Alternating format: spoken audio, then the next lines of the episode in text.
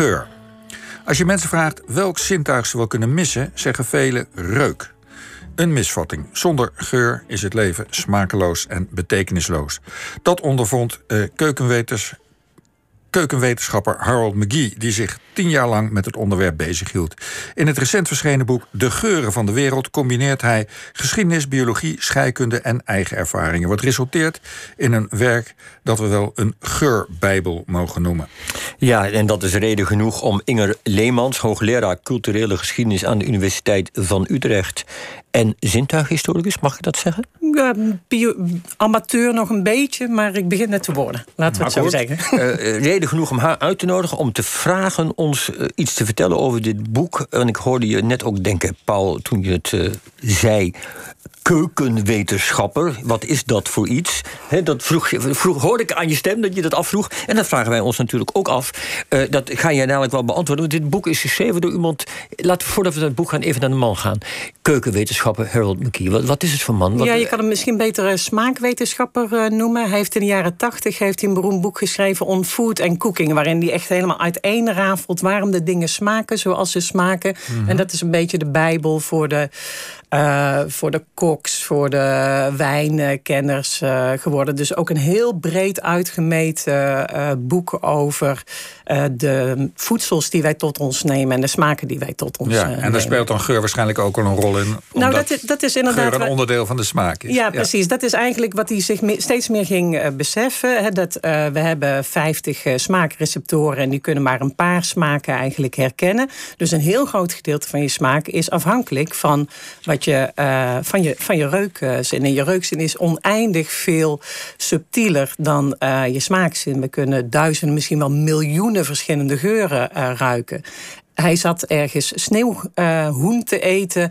En toen kwam er in één klap een hele heftige sensatie bij hem binnen. En dat is een van de momenten waarop hij dacht: nee, ik moet over geur gaan schrijven. En toen heeft hij dat weer, nou, nou ja, je zou kunnen zeggen, uh, nogal. Ik heb mij ook even de Engelse uh, ja. origineel meegenomen. Nogal grondig aangepakt in een boek dat de Osmokosmos voor ons ontvouwt. In vele en vele bladzijden en, en onderwerpen.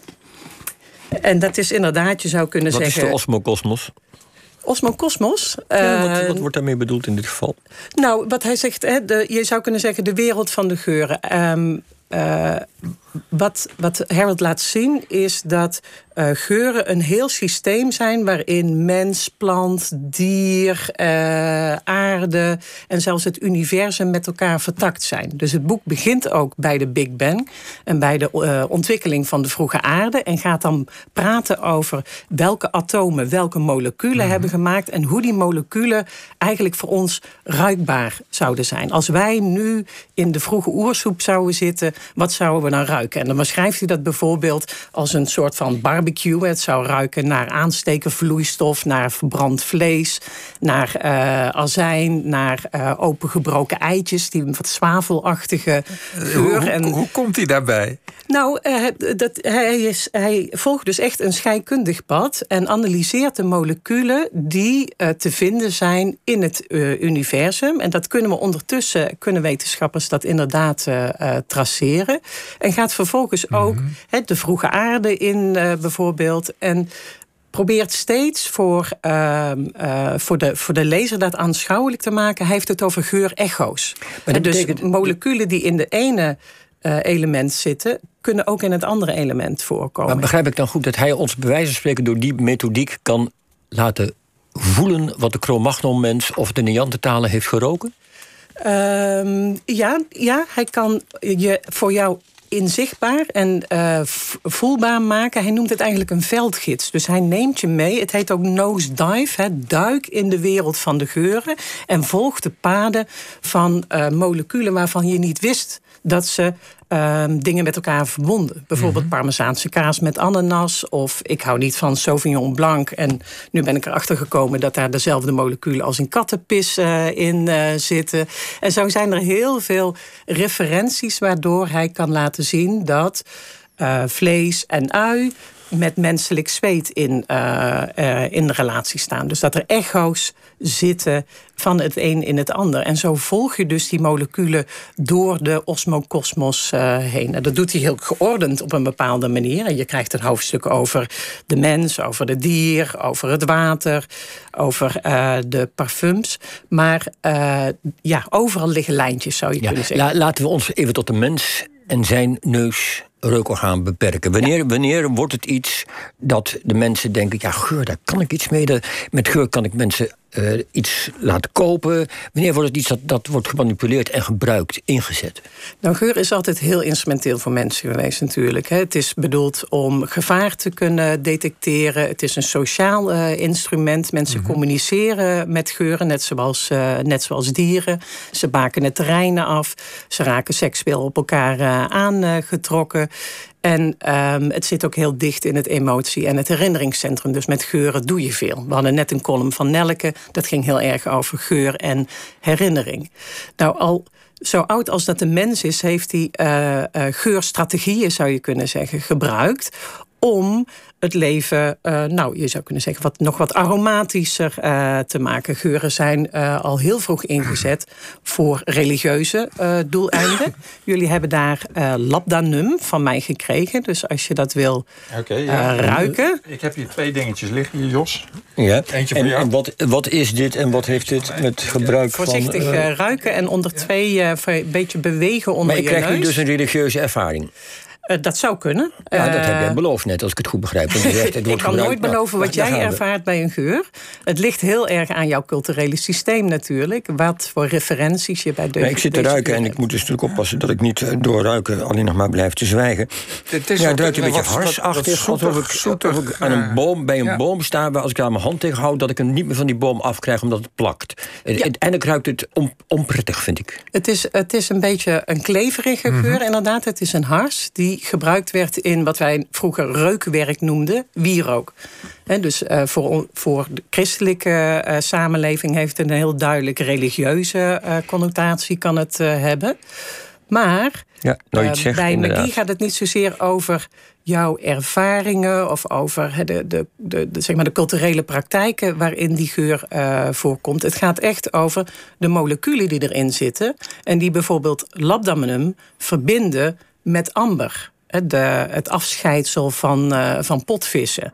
Dus zeg maar, potvissenpoep heeft eenzelfde molecuul als die hier in, uh, in labdanum zit.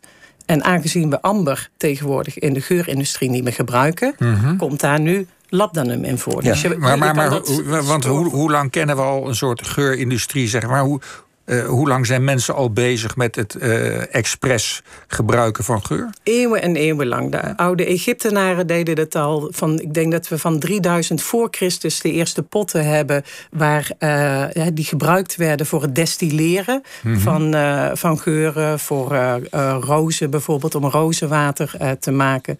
Dus dat soort historische perspectieven... dat is het leuke van het boek ook. Hè. Aan de ene kant is het heel systematisch, is het een soort van bijbel. Maar aan de andere kant geeft het ook veel historische perspectief. Ja, ja, het, is niet, het is niet zo, dat, uh, zo, zo, plat uh, als we vaak denken van uh, vroeger stonk het altijd totdat bij wijze van spreken de waterleiding, riolering en deodorant is uitgevonden. Nee, het, het, het, boek haalt ook die beroemde deodorisatie-these aan. En het is natuurlijk wel zo dat zeker in de westerse wereld we heel veel lichaamsgeuren van ons af hebben proberen te halen. Zeker sinds de 19e eeuw. Van de andere kant zijn er ook weer heel veel geuren bijgekomen. Eerst de industriële en later alles wat we nu weer extra op ons uh, aan het uh, uh, plakken zijn. Dus historici zijn daar heel erg over aan het vechten. Van kun je nu lange lijnen zeg maar, door de geurgeschiedenis heen trekken van deodorisatie en reodorisatie bijvoorbeeld. Nou, dan ligt het heel erg aan waar je naar kijkt. Of je nou naar het menselijk lichaam kijkt, of naar de wereld om ons heen, mhm. naar het religieuze domein. nou, dit is geen geurhistoricus natuurlijk, maar hij raakt wel steeds aan dat soort historische onderwerpen. En als hij het over uh, amber heeft, dan heeft hij het ook over wanneer mensen voor het eerst amber hebben gevonden en daar dingen mee zijn gaan uh, doen en parfum, parfums mee zijn gaan maken. Ja, het gekke is met geur natuurlijk dat uh, dat, je, dat we nooit eigenlijk weten waar het begint. Hè? Dus, want je liet me net dit amberstaafje, ik noem het maar even, een harsstaafje ruiken. En eerst dacht ik het stinkt en ben bang voor handenplakkerij. En nu ik het wat langer ruik, ben ik ineens inderdaad... Het, het, het ruikt ook naar wierook. Er zit ook die, die hele geur van, van, van een kerkbeleving, een religieuze beleving in.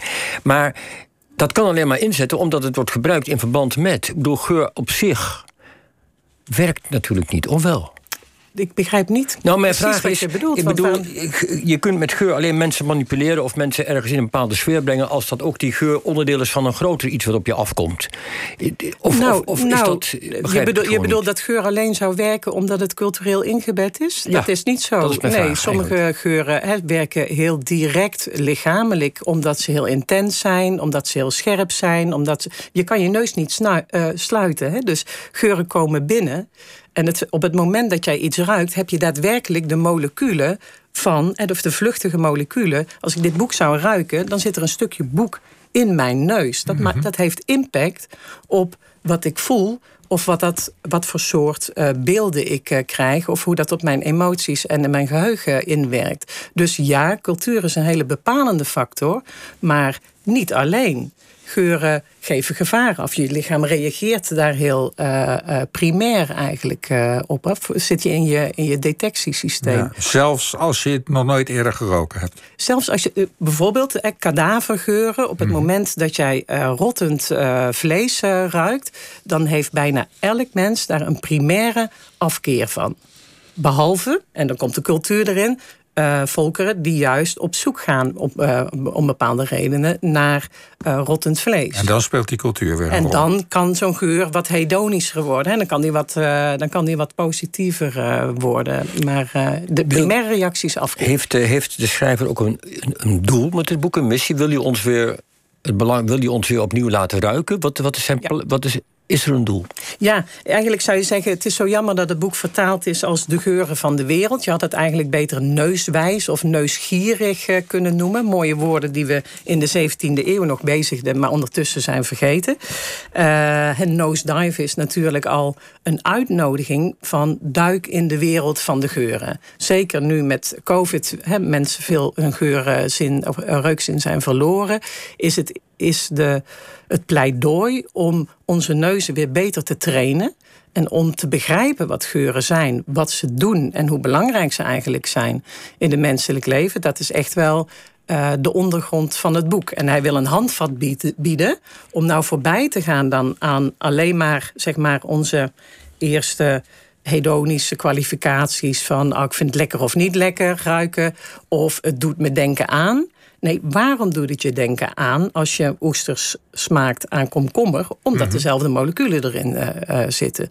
dus het geeft je ook een, een, uh, een vergelijkings, een handvat zou je kunnen zeggen, om de wereld van de geuren beter te begrijpen. Ja, maar het is niet helemaal een technisch boek. Het gaat niet helemaal alleen over moleculen. Nee, het is wel behoorlijk technisch. Karel Verbeek, onze geuronderzoeker, zei het is de Bijbel van de geuren en zo af en toe ook net zo taai als de Bijbel. Maar het is ook heel erg lollig geschreven. Dus, uh, Goed. Nou, dank Inge Leemans voor je komst. Uh, het besproken boek heet dus in het Nederlands De Wereld van de Geur in het Engels Nosedive. En het is geschreven door Harold McGee.